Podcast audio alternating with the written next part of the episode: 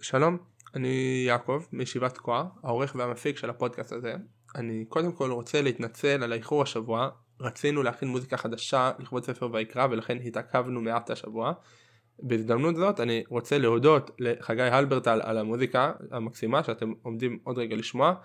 אתם אה, מוזמנים לחפש את השם שלו ביוטיוב או בפייסבוק ולראות uh, מה הוא עושה, הוא עושה אחלה דברים, uh, אני ממליץ uh, מאוד. חוץ מזה, רציתי לספר לכם על שני עניינים נוספים. הראשון זה שאנחנו עושים עוד פודקאסטים שאתם יכולים לשמוע.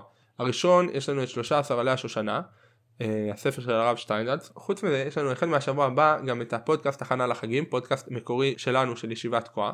לפני כל חג נפרסם כמה פודקאסטים בענייני החג בנושאים שונים, למשל לכבוד פורים יש לנו שיעור של הרב דניאל ביג'ל בגמרא, שיעור הלכה של הרב שוקי מאירסון, יהיה לנו הכנה חסידית עם ידידיה אבינר, והרב אביה כהן עושה לנו שיעור על מגילת אסתר. אתם מוזמנים לחפש באפליקציית הפודקאסטים האהובה עליכם פודקאסט הכנה לחגים או ישיבת תקוע או להיכנס לאתר של ישיבת תקוע שיופיע בתיאור הפודקאסט. חוץ מזה רציתי לספר לכם עוד דבר חשוב, ישיבת תקוע נמצאת כרגע עכשיו בקמפיין גיוס כספים עד יום שלישי הקרוב, כלומר י"ב באדר ב' זה יום לפני תענית אסתר. המטרה של הקמפיין היא זה בניית בסיס כלכלי לישיבה לכל פעולותיה כולל הפודקאסט הזה ופודקאסטים נוספים. אתם יותר ממוזמנים להיכנס ללינק בתיאור של הפודקאסט ולתרום כדי שישיבת תקועה תוכל להמשיך ולגדול ולפעול ולעשות דברים אה, טובים וחשובים. אם אתם רוצים לשמוע עוד על ישיבת תקוע אתם מוזמנים להיכנס לסרטון המצורף בתיאור הפודקאסט כלומר לסרטון בלינק המצורף בתיאור הפודקאסט או להיכנס לאתר הישיבה ולשמוע ולקרוא האזנה נעימה ושבת שלום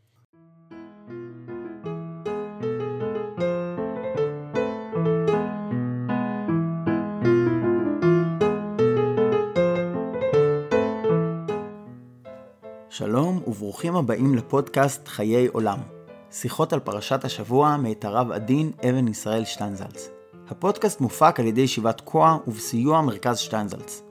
מרכז שטיינזלץ עושים דברים חשובים ומגניבים בתחומי היהדות והחינוך ואתם יותר מוזמנים ללמוד עוד ולהצטרף לפעילות הענפה בלינק המצורף לתיאור הפודקאסט.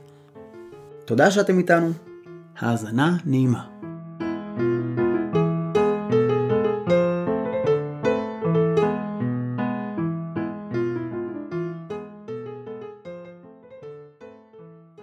פרשת ויקרא מקובל לומר כי ספר ויקרא עוסק בתורת הקורבנות, ואכן מצויים בו דיני קורבנות רבים. אולם, האמת היא שדיני קורבנות יש גם בחומש שמות, במדבר ודברים, ואפילו ספר בראשית עוסק במידת מה בקורבנות. גם ספר ויקרא עצמו, למרות העיסוק הרב בדיני הקורבנות, לא עוסק אך ורק בתחומים אלו.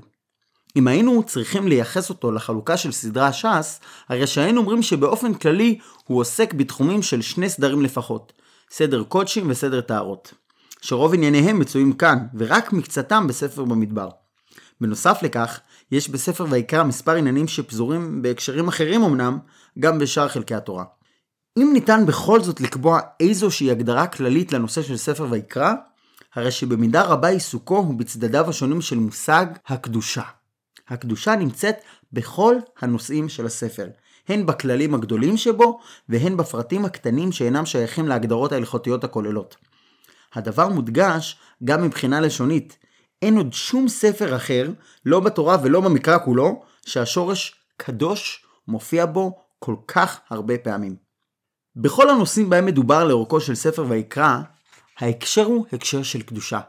גם נושאים שלכאורה אינם שייכים לדיני קדושה, נכללים כאן כחלק מהקודש, הקדושה או ההקדש. בין כשעוסקים בהקרבת קורבנות ובין בטומאה וטהרה, גם בדיני עריות בפרשות אחרי מות וקדושים, ואפילו בדברים שבין אדם לחברו. כך למשל, הפרשה העוסקת בעבודה זרה, מתחילה באיש איש מבני ישראל אשר ייתן מזרעו לעמו לחמות יומת, ומסתיימת ב"ויתקדישתם וייתם קדושים כי אני השם אלוהיכם". ובדומה לכך, גם בענייני מאכלות אסורות. אני השם אלוהיכם אשר הבדלתי אתכם מן העמים, והבדלתם בין הבהמה הטהורה לטמאה, ובין העוף הטמא לטהור, והייתם לי קדושים כי קדוש אני השם, ואבדיל אתכם מן העמים להיות לי. גם הלכות שטעמם נראה לכאורה, קשור לחוק וסדר או למוסר, מופיעות בספר ויקרא כנובעות מתחום הקדושה. דוגמה לכך ניתן לראות בפרשיית גזלות. וידבר השם למשה לאמור. נפש כי תחטא, ומעלה מעל בהשם, וכיחש בעמיתו בפיקדון, או בתשומת יד, או בגזל, או עשק את עמיתו. מדובר כאן באדם שגזל בצורה זו או אחרת, בגזל גלוי או בגזל נסתר, אלא שהכתוב שמזכיר בדרך אגב את החיוב להשבת הגזלה, העושק או הפיקדון, מתמקד בהיבט אחר של המעשה. את אשמו יביא להשם, וכיפר עליו הכהן לפני השם, ונסלח לו. האדם הזה, מעבר למה שהוא עשה לחברו, הוא מעל מעל בהשם. יש פה מומנט חדש שאיננו מומנט חברתי, אלא של חילול הקודש. איך ייתכן שאתה עושה דבר כזה או כזה? אתה מועל בנקודה של הקדושה. אפילו דבר מובהק, כמו היחס של בן אדם לחברו, לא נידון כאן לא מצד הסדר ולא מצד המוסר, אלא מן הזווית של המעילה בהשם. אפילו עשרת הדיברות, שכבר עמדו על כך שכולם רמוזים בפרשת קדושים, נאמרים בה מתוך זווית אחרת, הזווית המיוחדת של ספר ויקרא.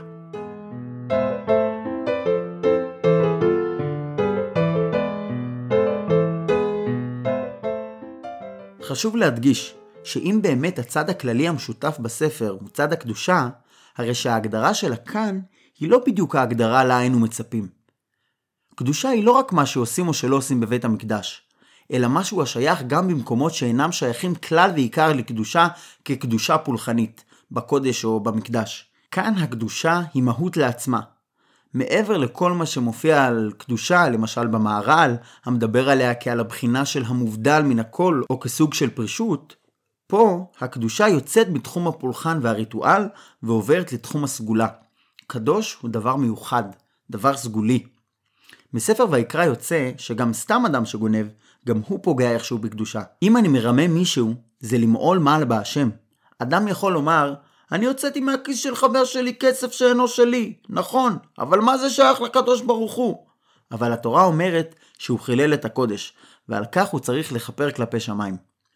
מכל אלה עולה שהקדושה היא סוג של עידון, השתכללות והתעלות כללית, ולאו דווקא בנקודה או בתחום אחד.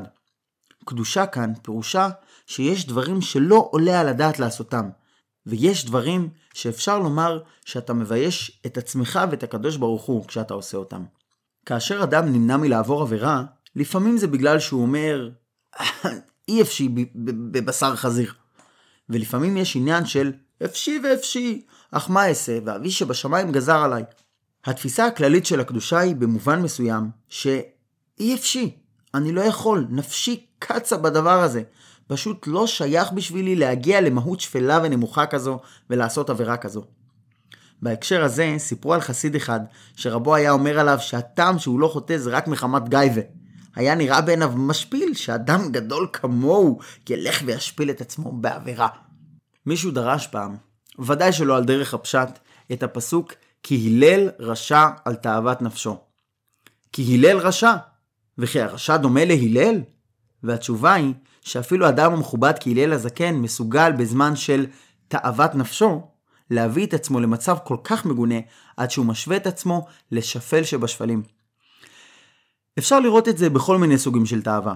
אדם יכול להיות חשוב, נאה, מכובד ומקובל בין הבריות, אבל כאשר יצר הרע תוקף אותו, פתאום כל הגדלות מתקלפת ממנו, והוא משפיל את עצמו ונעשה יצור כזה שהולך על ארבע ולפעמים אפילו פחות מזה. כשכתוב וייתם לי קדושים כי קדוש אני, הפסוק מדבר על תפארת ישראל. אתם קדושים, אתם מרוממים, אז אתם לא יכולים להשפיל את עצמכם ולהגיע כל כך נמוך. דרישת הקדושה של ספר ויקרא היא סוג של מוסר. יש ילדים שהסוג הזה של מוסר פועל עליהם מצוין. אני לוקח ילד, אני לא צריך להכות אותו ולא צריך להעניש אותו, אני רק אומר לו שאתה תעשה דבר כזה? ועל כך עומד הרבה ממה שכתוב בספר ויקרא על עבירות. הייתכן שאתם תעשו כאלה דברים מגונים?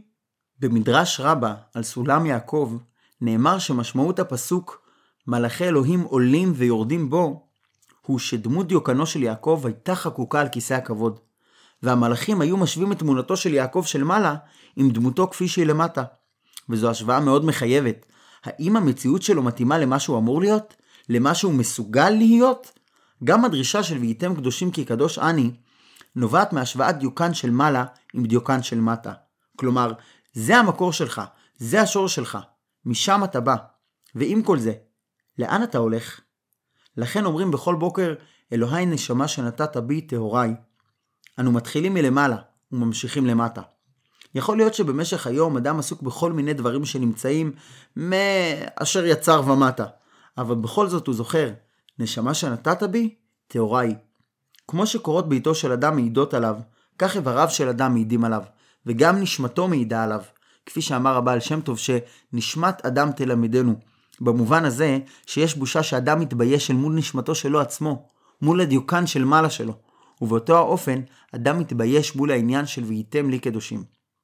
דרישת הקדושה עומדת בתמצית הקיום של אדם מישראל, ולכן יש עבירות שנאמר עליהן בחריפות, והכרתי אותו, ונכרתה הנפש ההיא. אחרי שאדם עושה דברים כאלה, כבר אין לו קיום בתור נשמה, לנשמה שלו אין יותר הצדקה.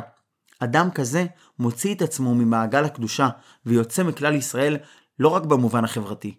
הוא הולך לאיבוד במובן זה שהוא ניתק ממקור החיים, ניתק מכל מה שנותן צידוק לקיומו, דווקא בגלל שהוא קדוש.